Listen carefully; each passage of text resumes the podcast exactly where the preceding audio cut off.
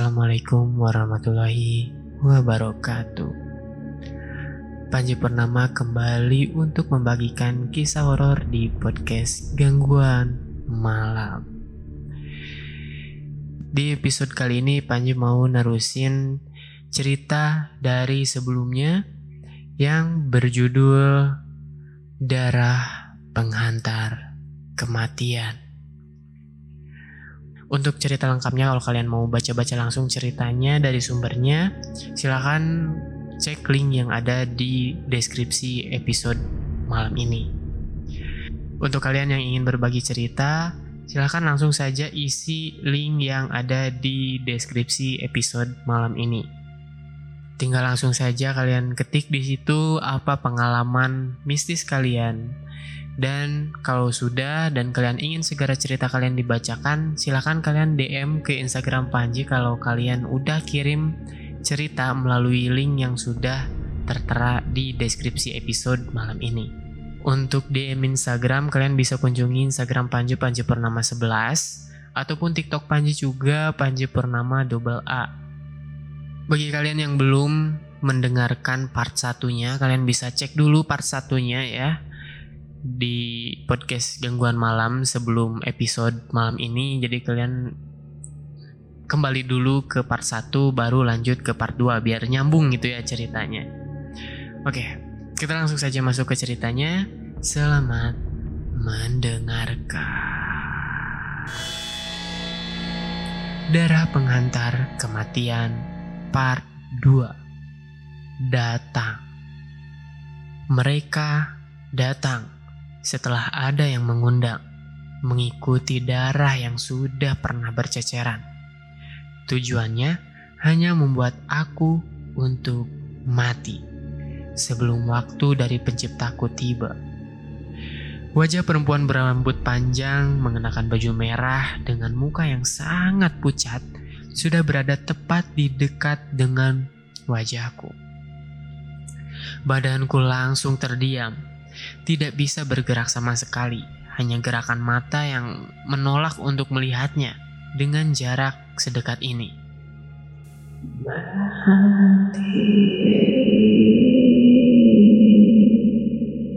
Perlahan, darah merah yang berada di dalam plastik berwarna putih ditunjukkan tepat di depan wajahku.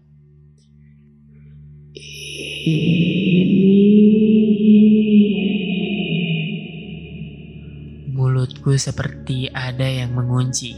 Susah sekali untuk berteriak sekuat tenaga. Tiba-tiba, dengan sangat cepat, plastik penuh darah itu disiramkannya ke wajahku. Baunya sangat amis. Perasaanku semakin tidak menentu, antara panik karena ketakutan atau tidak percaya dengan hal yang terjadi saat ini. Arumi! Langkah kakinya yang berlari dari arah teriakan itu di dalam rumah mendekat ke arahku. Dan perempuan yang sedang berada tepat di depan wajahku, Harumi, ucap Adit sambil memegang kedua pundakku. Dit, ucapku langsung memeluk badan Adit dengan erat. E, kenapa basah wajah kamu, Rom? Ngapain segala keluar sih? Kan bukain pintu aja. Siapa barusan yang datang? Tanya Adit sangat heran. Aku tidak bisa menjawab. Apalagi kejadian tadi benar-benar membuatku takut. Bahkan detak jantungku belum bisa normal seperti biasanya. Adit hanya menggelap wajahku dengan perlahan sambil memperhatikan ke arah depan rumah. Sementara suara gerimis masih saja ku dengar Yaudah, ayo masuk room. Ganti juga baju kamu. Bagian atasnya aja yang basah.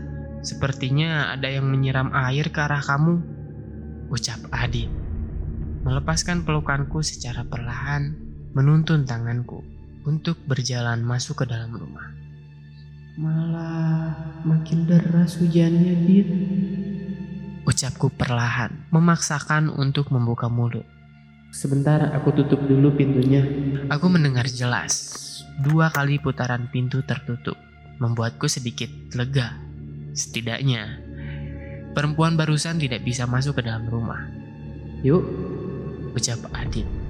Anehnya, Adit terlihat cemas setelah melihat keluar sepersekian detik sebelum pintu terkunci.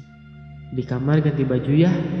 Sama cuci muka, takutnya pusing kamu rum, terkena air hujan. Ucap Adit. Padahal aku ingat betul dari apa yang aku rasakan kejadian barusan. Bukan putihnya air hujan yang mengenai wajahku, melainkan merahnya darah. Yang tentunya berbau amis. Aku kembali memegang tangan Adit sambil perlahan berjalan dengan perasaan bercampur aduk. Baru saja kakiku dan Adit akan berbelok menuju kamar. Tiba-tiba, pintu terbuka secara perlahan. Tanpa adanya suara dari putaran kunci seperti sebelumnya. Lah, kok bisa kebuka? Perasaan aku udah menguncinya, Rum. Ucap Adit heran. Aku hanya menganggukkan kepala saja sambil berharap apa yang aku takutkan dari tadi tidak terulang lagi. Kamu denger kan tadi aku kunci pintu? Ucap Adit. Pintu sudah terbuka sedikit. Kemudian semakin terbuka lebar. Karena angin di luar semakin kencang. Juga hujan yang semakin deras. Ya udah, aku kunci lagi pintu. Ucap Adit. Melepaskan tanganku dan aku terus saja melihat ke arah Adit dan juga pintu. Adit berjalan dengan cepat, apalagi angin benar-benar kencang. Di luar, bahkan suara petir yang kencang ikut hadir malam ini. Ketika beberapa langkah lagi, Adit akan menuju sampai pintu. Tiba-tiba, muncullah kepala perempuan dengan rambut panjang berbaju merah. Masuk perlahan melewati badan Adit sambil tersenyum manis ke arahku. Sebuah senyum penuh arti, walaupun bagian matanya tetap sayu. Aku hanya dia memperhatikan perempuan itu yang semakin mendekat. Berjalan perlahan dan kaki sebelah kirinya diseret. Sama seperti kejadian di kamar malam sebelumnya. Apalagi bajunya sudah sangat basah. Tetesan airnya mengenai lantai ruangan tengah rumah. Dit, dit, dit, itu. Ucapku sambil menunjuk ke arah sosok perempuan. Adit hanya menggerakkan tangannya sambil menggelengkan kepala. Setelah kembali mengunci pintu, karena semakin tidak kuat melihat senyuman sosok perempuan, aku langsung berlari ke kamar. Walaupun Adit sudah melihat ke arahku. Walaupun Adit sudah melihat ke arahku, anehnya Adit sama sekali tidak melihat sosok lain yang ada di ruang tengah rumah. Dengan nafas yang ngos-ngosan, aku memastikan Cio dan Kia karena takut terbangun di dalam box tidurnya. Walaupun aku benar-benar merasa ketakutan, keringat sudah bercucuran dan sambil berharap Adit cepat Adit cepat masuk ke dalam kamar. Pintu kamar terbuka perlahan. Adit, Ucapku dengan perasaan yang kurang tenang. ayo ikut. Suara yang keluar perlahan dari sosok perempuan itu malah yang aku dengar jelas di telingaku. Padahal derasnya hujan itu sangat berisik sekali. Sekarang, ayo.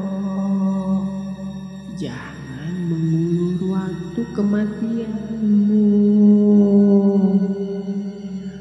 Pergi. Teriakku sangat kencang sekuat tenaga. Sambil menutup kedua telinga sekuat mungkin memejamkan mata. Arum, Arum, sadar Rum. Kenapa? Ucap Adit sudah kembali memelukku. Dit, perempuan itu, Dit. Jawabku sudah tidak bisa lagi menutupi semua apa yang aku lihat. Dan aku dengar dari sosok perempuan menakutkan itu. Rum, tidak ada apa-apa, sadar. Tuh, kasihan Kia dan Cio sampai bangun mendengar teriakan kamu. Ucap Adit melepaskan pelukanku, berjalan cepat ke arah Kia dan Cio. Untungnya Adit dengan cepat menutup pintu terlebih dahulu. Kemudian menenangkan Kia dan Cio. Yang gak lama udah kembali tidur lagi. Ganti dulu bajunya, Rum.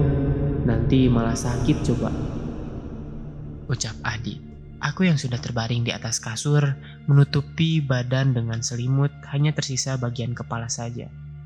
Dan aku pun hanya menggelengkan kepala berkali-kali menolak perintah Adit sambil pandanganku melihat ke atap kamar. Mungkin kamu gak akan percaya, Dit. Ucapku perlahan, mengatur nafas agar kembali normal. Sementara suara hujan semakin jelas aku dengar, bertambah deras, menambah suasana di dalam kamar semakin mencekam. Soal keanehan kamu di luar barusan, setelah ada ketukan pintu. Jawab Adit mengelap wajahku dengan anduk kecil. Iya, Adit. Sosok perempuan yang sama ketika aku melihatnya di dapur di dalam mimpi. Dan terakhir barusan ikut masuk. Jawabku dengan gemetar. Tadi malah aneh di ruang tengah. Lantainya basah. Kan gak mungkin ya bekas baju yang kamu pakai. Lagian gak terlalu basah juga. Malah ini kayak bekas kena hujan deras di luar. Sama eh, kejadian pintu terbuka. Padahal sumpah deh, aku udah menguncinya, Rum. Ucap Adit yang heran. Aku yang masih ingat baju yang perempuan gunakan itu basah setelah masuk melewati Adit. Membuatku langsung melihat ke arah Adit. Membenarkan sosok perempuan itu ada nyatanya. Kamu percaya? Tanyaku. Adit hanya menganggukkan kepalanya saja.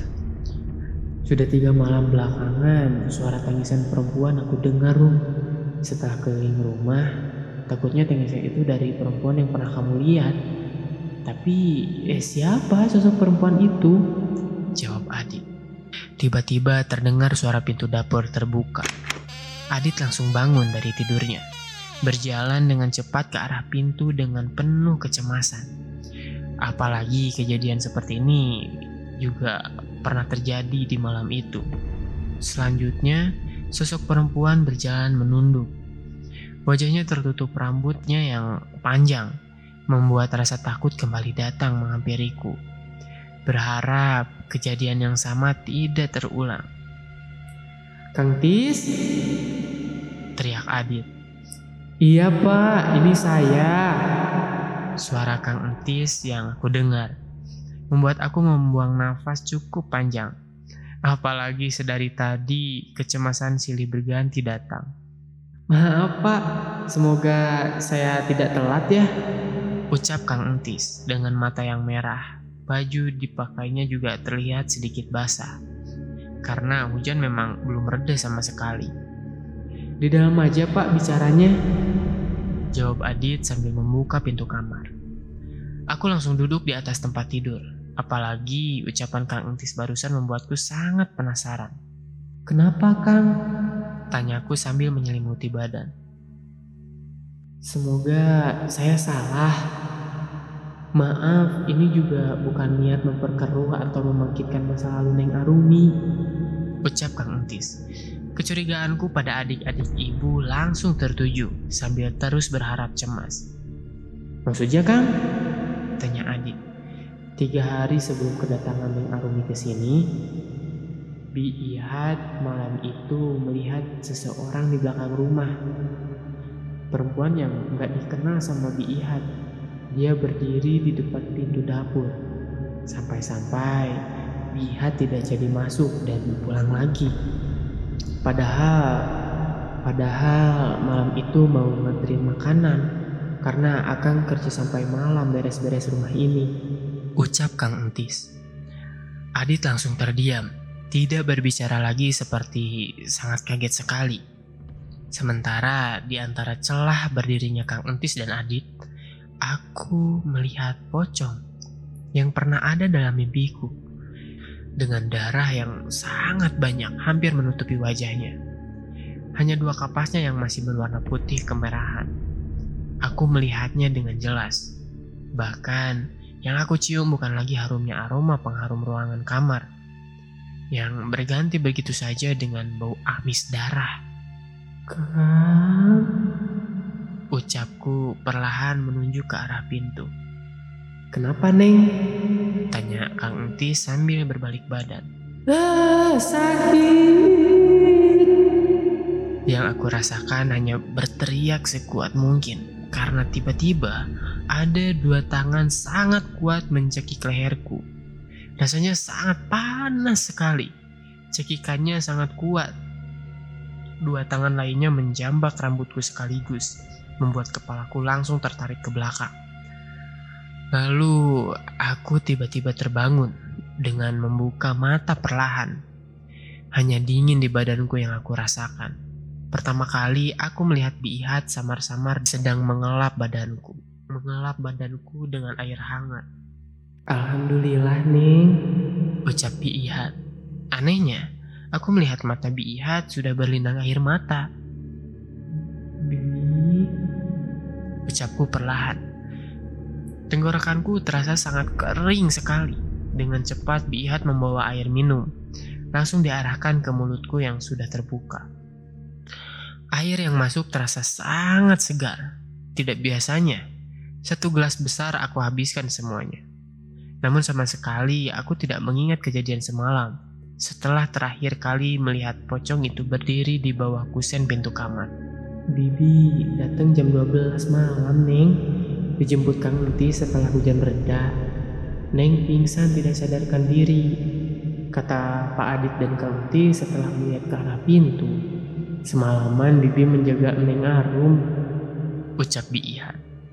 Oh, eh, Cio mana Bi? Sama Kia, Kia, Kia di mana? Ucapku perlahan. Ada Neng, sudah sama Pak Adit dan Kang Entis. Neng melihat apa? Tanya Biihat. Baru saja aku akan menjawab, dari arah cermin kembali aku melihat penampakan wujud pocong semalam. Sangat jelas, membuat aku langsung membuang wajah, berbalik badan, yang awalnya melihat ke arah Biihat. Neng, Ucap Biihat. Ih, itu Bi. Tanganku menunjuk ke arah cermin. Tidak ada apa-apa Neng. Jawab Biihat. Aku hanya menggelengkan kepala sambil memendamkan wajah ke bantal. Sebentar, Bibi buka dulu jendela. Ini udah pagi padahal. Mendengar pagi membuatku sedikit tenang, apalagi setelah melewati banyak keanehan malam itu. Ah, semoga aja bukan gara-gara adik-adik Ibu Dahlia. Ucap Biihat sambil duduk di sebelahku. Aku yang mendengarkan ucapan Biihat langsung mengangkat kepala. Apalagi benar, cahaya pagi sudah masuk ke dalam kamarku. Kenapa Bibi bilang gitu? Tanyaku, Mm, maaf Neng. jawab Biihat. Bilang aja Bi. Gak apa-apa soal adik-adik Ibu. Tanyaku perlahan. Tujuh tahun yang lalu kepergian Neng Arum ikut bersama ibu warga kampung sini mengetahui perlahan bagaimana Teh Yuni dan Teh Dia termasuk Tita yang saat ini ada di rumah Dahlia kelakuannya terbongkar. Karena hidup dua adik ibu Dahlia hanya mengandalkan hak Neng Arum saat itu. Bahkan Ucap Biihat. bahkan sampai menyiksaku tidak bisa makan hanya Kang Entis dan Bi Ihat yang sering mengantarkan makanan waktu itu. Aku ingat Bi, Jawabku. Perlahan meneteskan air mata. Ingatan itu kembali datang. tapi Neng, eh, takutnya itu yang menjadi alasan mereka melakukan hal di luar nalar kepada Neng. Apalagi Bibi dengar Teh Yuni bukan orang yang diam dari beberapa warga sini. Apalagi Bibi dengar Teh Yuni bukan orang yang diam dari beberapa warga sini. Apalagi tahu Neng Arum sudah balik lagi ke rumah ini. Ucap Biihat. Tiba-tiba memegang tanganku. Tiba-tiba handphone di atas meja berdering. Bihat langsung membawanya. Nonesa, Ucap Bihat memberikan handphone kepadaku. halo Nes, Ucapku. gue gak banyak waktu. Ini penting, dengerin aja ya. Gue lagi di dapur. Di depan di depan gue si bangsa Tita lagi memelas pada ibu minta maaf. Jawab Nesa. Lalu Lah, kenapa Nes? tanyaku penasaran. Mendengar nada bicaraku, Bihat terlihat cemas. Apalagi barusan sudah bicara soal adik-adik ibu. Rom, aneh. Tiba-tiba hari ini si Tita balik ke kampung udah izin sama ibu. Setelah ketahuan sama Pak Rizky bawa foto lu ke kamarnya. Anehnya, ibu malah bela Tita dan itu hal yang wajar katanya karena lu masih saudaranya. Ucap Nesa di telepon. Ya buat apa foto gue sih? Jawabku. Makanya gue takut tuh kenapa-napa. Pak Rizky anehnya hari ini sakit demam tinggi banget. Setelah malam lihat penampakan pocong di depan kamar ibu. Sumpah gue gak bohong. Ucap Nesa. Sedikit berbisik. Aku langsung terdiam. Bihat yang mendengar ucapan Nesa walaupun tidak jelas aku yakin mendengarnya. Halo Rum. Eh, Oke Nes, gue paham. Sepertinya pikiran kita sama. Jawabku. Bangsat si ke sini cuma buat guna-guna ibu, biar lu bisa balik ke sana. Ibu beli tanah, dan gue sekarang cemas sama lu, Arum. Ucap Nesa. Telepon tiba-tiba terputus. Bihat hanya menganggukkan kepala saja. Neng, Ucap Bihat. Bibi yakin juga seperti itu. Tanyaku masih kaget dengan informasi yang adik tiriku Nesa berikan di rumah ibu. Itu yang Bibi anehkan. Siapa pun gak mau membeli tanah atau berurusan dengan Teh Yuni di kampung ini dari dulu. Apalagi soal tanah. Teh Yuni bahkan tidak punya teman di sini kan? Ucap Bihat perlahan. Bi, apa mungkin... Ucapku. Rum, sudah bangun? Gimana kondisi kamu? Ucap Adit tiba-tiba masuk ke dalam kamar. Memangku Cio diikuti Kang Entis yang memangku Kia. Untungnya Bihat langsung keluar begitu saja. Membawa wadah dan handuk bekas mengelap badanku. Karena jika Adit tahu terlebih dahulu, aku yang tahu emosi untuk ukuran seorang Adit suamiku yang terbilang pendiam itu. Rum, apa perlu ke dokter buat periksa kondisi kamu? Tanya Adit sebelum pergi ke toko untuk melihat perkembangan pembangunan. Hmm, gak usah, Dit. Mungkin benar semalam kondisi aku aja. Jawabku sambil menyuapi Kia makan. Anehnya ada perasaan sedikit kesal kepada Adit. Bahkan sudah beberapa kali aku tanyakan pada diriku sendiri tanpa alasan. Nanti sore aku jemput kamu ke sini ya. Siapa tahu kamu mau lihat toko seperti apa. Ucap Adit. Hmm, nanti aja, Dit. Jawabku. Lah, kenapa sih, Rum?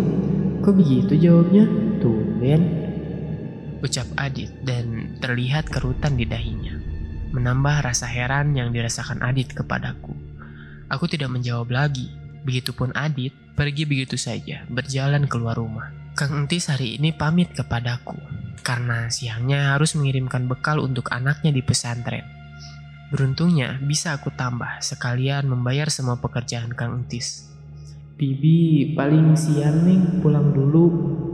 Udah Kia sama Cio tidur ya. Sorenya Bibi ke sini lagi. Ucap Bi Ihat setelah Kang Entis pamit pulang. Iya Bi, nggak apa-apa. Semoga aja pekerjaanku selesai cepat hari ini. Jawabku sambil membereskan kertas-kertas untuk isi toko bangunan. Sesekali aku melihat ke arah pintu. Tepatnya kejadian semalam, karena benar-benar sulit aku lupakan dan aku pahami. Sudah dua kali ajakan itu. Mati-mati. Ucapku dalam hati. Bahkan azan zuhur berkumandang. Pekerjaanku baru saja selesai. Sudah tidak terdengar lagi suara Kia dan Cio. Neng, anak-anak udah pada tidur. Bibi pamit dulu ya. Biar kesorean balik laginya. Ucap Ihat. Iya Bi, silahkan. Udah nggak apa-apa, biar aku yang tutup pintunya. Bihat hanya mengangguk kemudian berjalan keluar rumah, diikuti oleh langkahku. Semalam di sini. Ucapku, kemudian mengunci pintu. Seperti yang Adit lakukan malam itu, aku hanya menggeleng-gelengkan kepala berkali-kali. Mengingat perempuan itu masuk melewati Adit setelah pintu terbuka. Lagi nih. Mending istirahat aja deh. Ucapku. Setelah mengambil handphone dan banyak membaca pesan masuk memberitahu perkembangan toko, Biasanya aku membalas dengan sangat antusias. Kali ini berbalik. Membiarkannya begitu saja. Setelah memastikan Kia dan Cio tidur siang, aku sudah terbaring di atas kasur. Siang ini menarik perhatianku. Sambil terus aku perhatikan seperti ada hal yang menarik di balik pantulan ke arahku. Ke arahku terbaring. Dan aku pun akhirnya perlahan memejamkan mata. Tumben Cio sama Kia tidurnya lama banget. Ucapku setelah terbangun. Melihat jam pukul 15.20. Memang setelah berada di rumah di tangan pengasuh seperti Biihat yang jauh lebih berpengalaman, urusan kesehatan Kia dan Cio dalam hal tidur lebih teratur. Dan hal itu juga membuatku sedikit leluasa bekerja untuk mempersiapkan toko bangunan yang beberapa hari lagi akan segera buka. Suara dari arah dapur. Aku dengar dengan sangat jelas, seperti ada orang yang membuka atau menutup pintu dapur. Sementara aku masih berdiri di dekat box tidur Cio dan Kia. Bibi, Kang Entis. Ucapku cukup keras, namun sama sekali tidak ada jawaban. Bi, Teriakku. Karena aku yakin ada orang yang entah masuk atau keluar dari dapur. Aku langsung melangkah dengan cepat ke arah dapur berbarengan dengan penasaran. Apalagi suaranya benar-benar kencang barusan aku dengar. Gak ada siapa-siapa. Ucapku. Kemudian berjalan kembali ke kamar untuk melihat Cio dan Kia. Anehnya, suasana lembab di beberapa bagian rumah baru aku rasakan ketika benar-benar sendiri di rumah. Di beberapa sudut seperti ada yang memperhatikan setiap langkahku sore ini. Tidak berselang lama, terdengar suara Kang Entis dan Adit yang baru saja membuka pintu depan. Membuatku sedikit tenang. Walaupun dari tadi beberapa kali aku mengirimkan pesan kepada Nesa, belum sama sekali ada balasan. Sekedar untuk memastikan apa alasan Tita anaknya Teh Yuni itu hanya sebentar berada di rumah ibu. Apalagi setelah kedapatan melakukan hal itu. Sangat membuatku kembali cemas. Cio dan Kia yang baru saja terbangun langsung dipangku oleh Adit dan Kang Entis untuk segera bermain. Sementara aku sibuk menyapu bagian depan rumah. Dari kejauhan, Bihat berjalan tidak seperti biasanya. Jalannya terburu-buru dengan beberapa plastik berisikan bahan-bahan dapur yang dipegang tangannya membuatku semakin cemas. Takutnya membawa kabar yang mengaminkan kecemasanku saat ini. Bi, kelihatannya buru-buru banget. Ucapku Bibi belum masak buat makan sore, Neng. Jawab Ihat singkat, kemudian berjalan kembali dengan cepat masuk ke dalam rumah. Tumben, ucapku, melihat Ihat seperti menyembunyikan sesuatu dari aku. Sepanjang sore dengan Kia di pangkuan Adit, Adit berbicara banyak tentang pengeluaran untuk toko bangunan. Aku hanya memperhatikan semua ucapan yang keluar dari mulut Adit. Masa Pak Mandor malah bilang yang enggak-enggak soal adiknya ibu kamu, Rum? Ucap Adit tiba-tiba. Siapa? Teh Yuni atau Teh Dia? Tanyaku. Dua-duanya, Pak Mandor bilang aneh tanahnya Teh Yuni bisa terjual ke Ibu Dahlia. Terus tersenyum dan bilang hati-hati. Jawab Adit. Aku langsung terdiam mencoba merunut semua informasi yang sudah Nesa katakan kepada ibu. Apa Nesa di sana tidak memberimu kabar lagi, Rum? Takutnya malah ke kamu. Ucap Adit. Pak, Neng, ayo makan. Ucap Ihat. Karena tidak terasa juga, aku dan Adit sedari tadi bicara cukup lama. Kia langsung diberikan kepada Kang Entis untuk bermain dengan Cio kakaknya. Aku dan Adit sudah di meja makan. Menu makan sore kali ini cukup berbeda dari biasanya yang Bihat masak. Lebih banyak sayurnya, karena itu juga permintaan Adit. Bihat membawa lagi satu wadah dari mangkok beling yang bening berisikan sop. Tumben Bihat bikin sop daging. Ucapku dalam hati. Padahal sudah tahu kalau Adit suamiku tidak suka. Sop apa itu, Bi? Tumben? Tanya Adit. Karena aku tahu betul dari baunya saja. Adit pasti langsung tidak menyukainya. Kambing sepertinya, Pak. Jawab Ihat. Anehnya malah melihat ke arahku dengan tatapan heran. Begitupun aku membalas tatapan Biihat. Ya, sama-sama heran. Kang Entis dan Biihat sudah beberapa kali Adit ajak untuk makan bersama dan tetap menolak. Sudah saya pak barusan di rumah bareng Biihat. Saya main aja dengan anak-anak. Ucap Kang Entis yang langsung mengajak Cio dan Kia juga Biihat bermain di depan rumah. Karena sore ini cuaca benar-benar cerah. Tumben ya Rum, Biihat masak sop kambing. Kasihan loh kalau nggak dimakan. Kalau aku suka, pasti aku makan. Lihat aja kelihatannya enak, tapi ya, baunya bikin enak. Ucap Adit sambil mengunyah makanannya.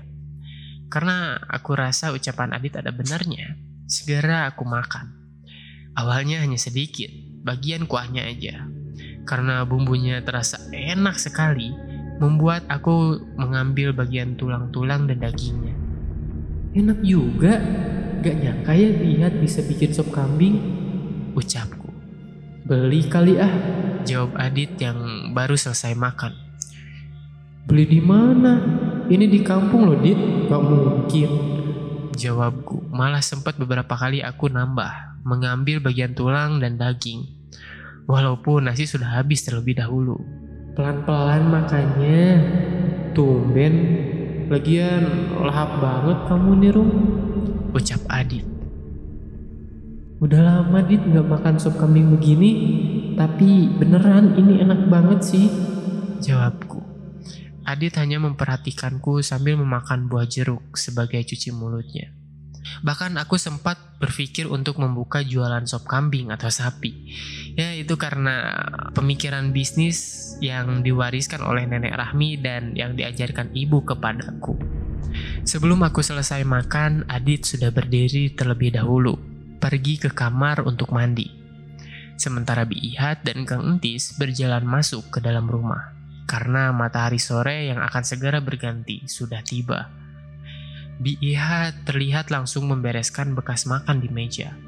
Anehnya, dari kejauhan Biiha terlihat kaget melihat kebagian mangkok beling berisikan sisa sop kambing. Apalagi beberapa kali sambil menggelengkan kepalanya. Aneh mungkin aku makannya terlalu banyak. Ucapku dalam hati sambil melihat Kia dan Cio bermain di ruangan tengah. Kok sampai segitunya? Ucapku, melihat Biihat menutup hidung, kemudian dengan cepat malah membawa mangkok. Kemudian dengan cepat malah membawa mangkok beling berisikan sop kambing itu duluan ke arah dapur. Tidak seperti biasanya, terlebih dahulu membawa piring-piring bekas makan. Sebelum azan maghrib berkumandang, seperti kehangatan malam-malam sebelumnya, aku, Adit, dan Kang Entis dengan segala kehangatan berbicara di ruangan tengah. Apalagi televisi baru benar-benar bisa menyala setelah sebelumnya Adit membeli antena baru. Ada apa dengan Biihat? Tanyaku dalam hati. Biihat beberapa kali tertangkap oleh mataku memperhatikan ke arahku. Apa ada yang salah ya? Ucapku perlahan. Sambil melihat handphone menunggu balasan pesan dari Nesa. Malam ini Akang sama Bibi menginap lagi, Pak. Ucap Kang Entis tiba-tiba. Iya Kang, mending begitu, apalagi kemarin. Jawabku hampir keceplosan menceritakan kejadian malam di mana ketika hujan deras sebelum Kang Entis tiba. Apalagi kenapa Neng? Tanya Kang Entis. Belum sempat aku bicara, Biat langsung berdiri dan berjalan dengan cepat ke arah dapur. Iya Kang, malam ini keliling lagi. Akhir-akhir ini saya ngerasa rumah seperti ada yang merhatiin terus. Sahut adik. Mungkin pak, tapi semoga tidak. Harusnya aman, tidak akan ada orang yang aneh-aneh. Apalagi kampung ini nggak terlalu besar. Orang akan kenal. Jawab Kang Entis. Tiba-tiba kepalaku seperti ada yang memukul dari belakang cukup keras. Padahal dalam posisi duduk memangku Kia. Ah, Dit, sakit Dit. Ucapku. Kan Rum, kamu sih makan sop kambing kebanyakan barusan. Ucap Adit membawa Kia di pangkuanku. Kang Entis yang masih aku lihat jelas sambil memegang kepalaku terlihat kaget sekali. Kemudian dengan tiba-tiba pukulan keras kembali melayang tepat di bagian belakang kepalaku. Aduh, sakit banget, gak kuat ini. Ucapku. Memang siapa yang makan sop kambing? Bapak beli ya? Tanya Kang. Adit langsung terlihat kebingungan dengan ucapan Kang Entis. Eh, saya kira Bihat yang bikin pak. Kan tadi sore saya bareng sama Akang pulang tidak bawa apa-apa. Jawab Adit. Tiba-tiba Cio menjerit sangat kencang sekali, disusul oleh sebuah jambakan di belakang kepalaku. Membuat aku langsung tergeletak ke belakang dengan kepala yang makin terasa sakit. Dan hal itu membuat Adit dan Kang Entis sangat kaget. Bi, bi, bi, cepet ke sini. Teriak Kang Entis. Aku melihat jelas di depan kamarku sudah berdiri sosok perempuan yang sudah sering aku lihat. Dia kembali tersenyum melambaikan tangannya ke arahku perlahan dan berkali-kali. Sini, sini, ikut. Gerakan mulutnya terbuka perlahan dengan wajah pucatnya. Di belakang sudah ada dua pocong yang samar-samar aku lihat. Anehnya, Bihat melewati kamarku begitu saja, tanpa melihat penampakan tersebut, membuatku membuang tatapan ke arah itu. Rum, Rum kenapa? Ucap Adit panik. Sementara aku sudah berada di pelukan Adit. Sakit, Dit. Biihat yang memangku Cio hanya melihat ke arahku dengan heran. Kembali menggelengkan kepalanya. Mungkin bekas sop kambing barusan, ucap Adit mengajakku berdiri. Bawa ke kamar aja pak untuk istirahat.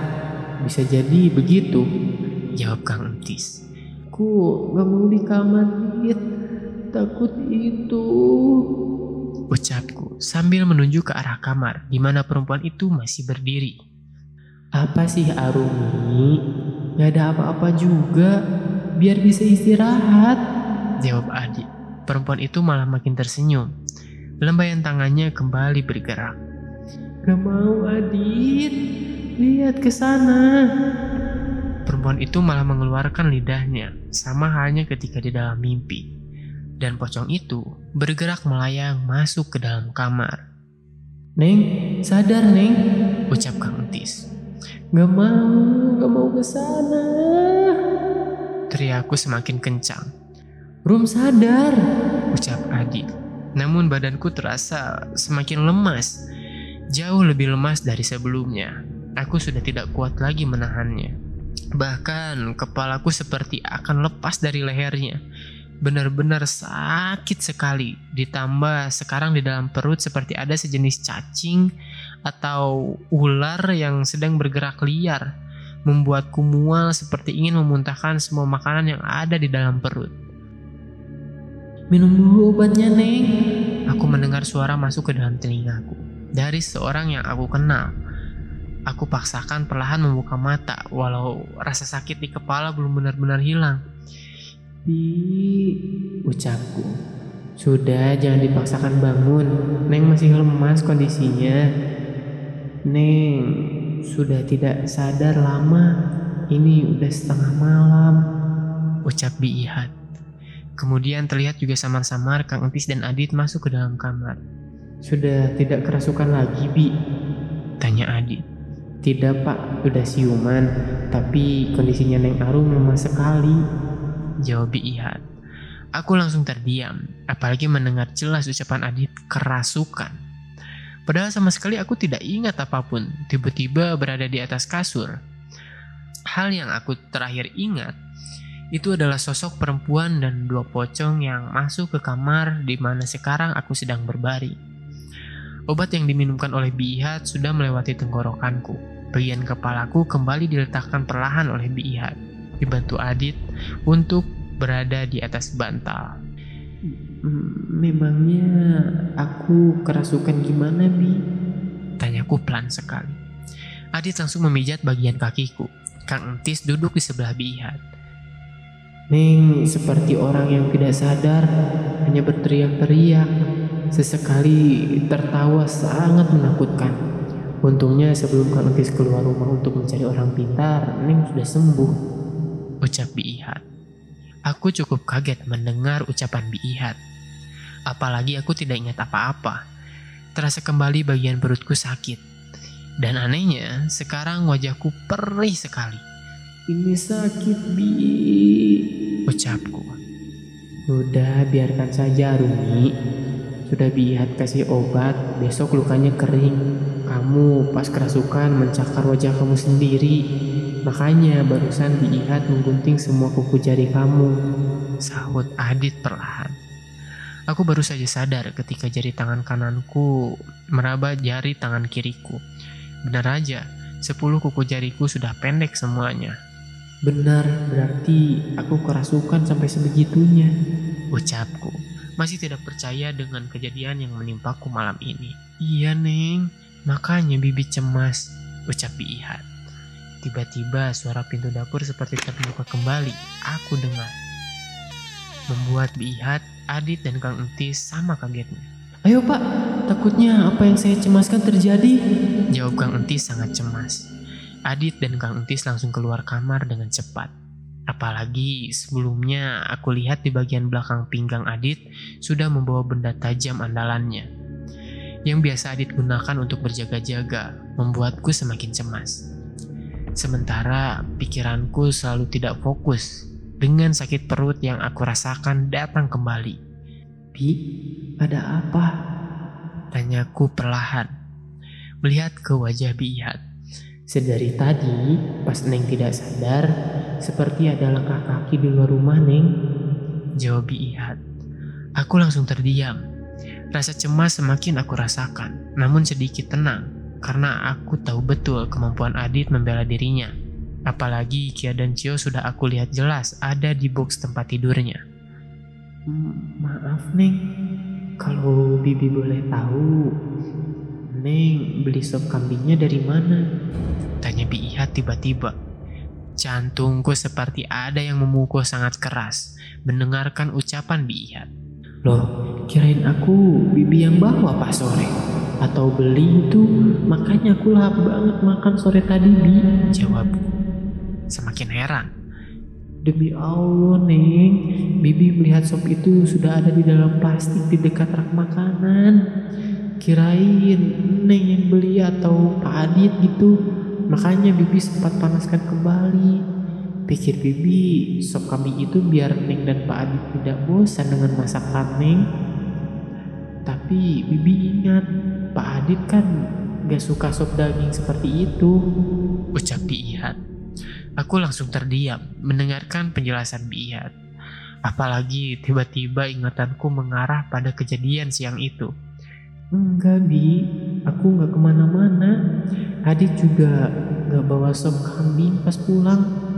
Ucapku sambil bergetar mulutku begitu saja. Apalagi di cermin sudah terlihat kembali sosok pocong dengan wajah penuh darah. Berdiri dia mematung melihat ke arahku. Dan tidak lupa dengan kapas yang masih menempel di kedua lubang hidungnya. Jelas aku lihat.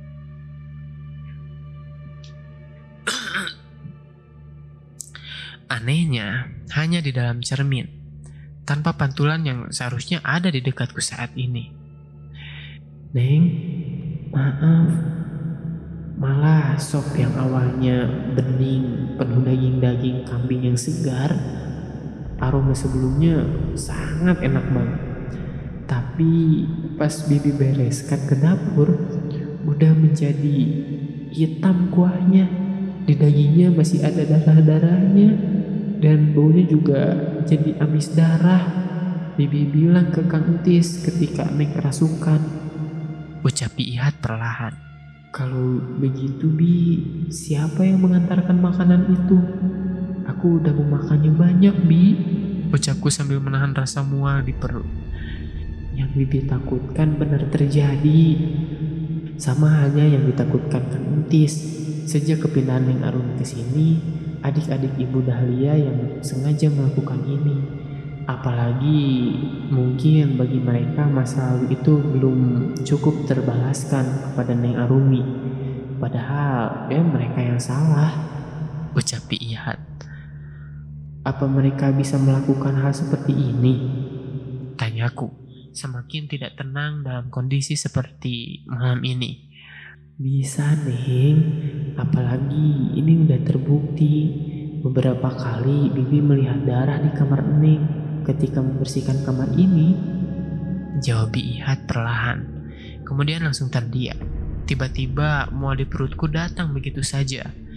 Apalagi aku ingat sangat lahap makan sop kambing tersebut. Di depan cermin, tiba-tiba sosok perempuan dengan memakai baju merah berdiri tepat di belakang badan Biihat. Ayo sekarang. Tersenyum sangat menakutkan. Tangan sosok perempuan yang dingin itu sudah berada tepat di bagian kakiku. Perlahan semakin kuat cengkramannya. Bi, bi tuh, ha, bi, tolong bi. Teriakku sangat kencang.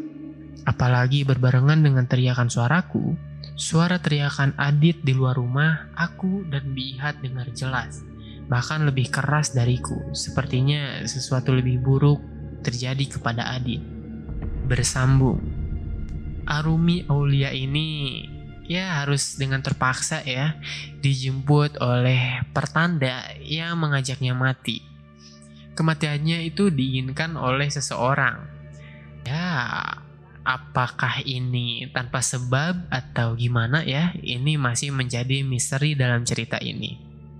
Atau memang bahkan ada sebuah kesalahan yang harus membuat hal-hal di luar nalar menghampiri juga Aditya Fatah, suaminya Arumi.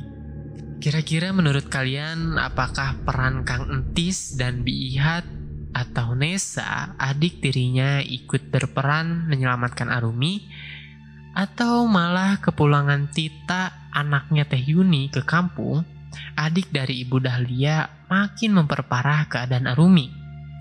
Lantas, ke mana Teh dia? misteri nggak datang dengan sendirinya. Kadang misteri bisa mengantarkan sebuah alasan berupa pesan, pesan yang sama sekali belum pernah kita pikir sebelumnya. Dan ini ada part spoiler ya, spoiler part 3-nya gitu dari cerita pengantar uh, kematian ini. Nah, bacain spoilernya. Sop kambing yang masuk ke dalam tubuh Arumi adalah awal terikatnya seluruh sihir yang dikirimnya. Jangan dulu berprasangka buruk. Ini hanya tuduhan akang aja. Apalagi sebelumnya sudah bisa akan pastikan. Ada orang suruhan yang sengaja membuat semua ini terjadi. Harusnya benar, ada yang menginginkan Arumi mati.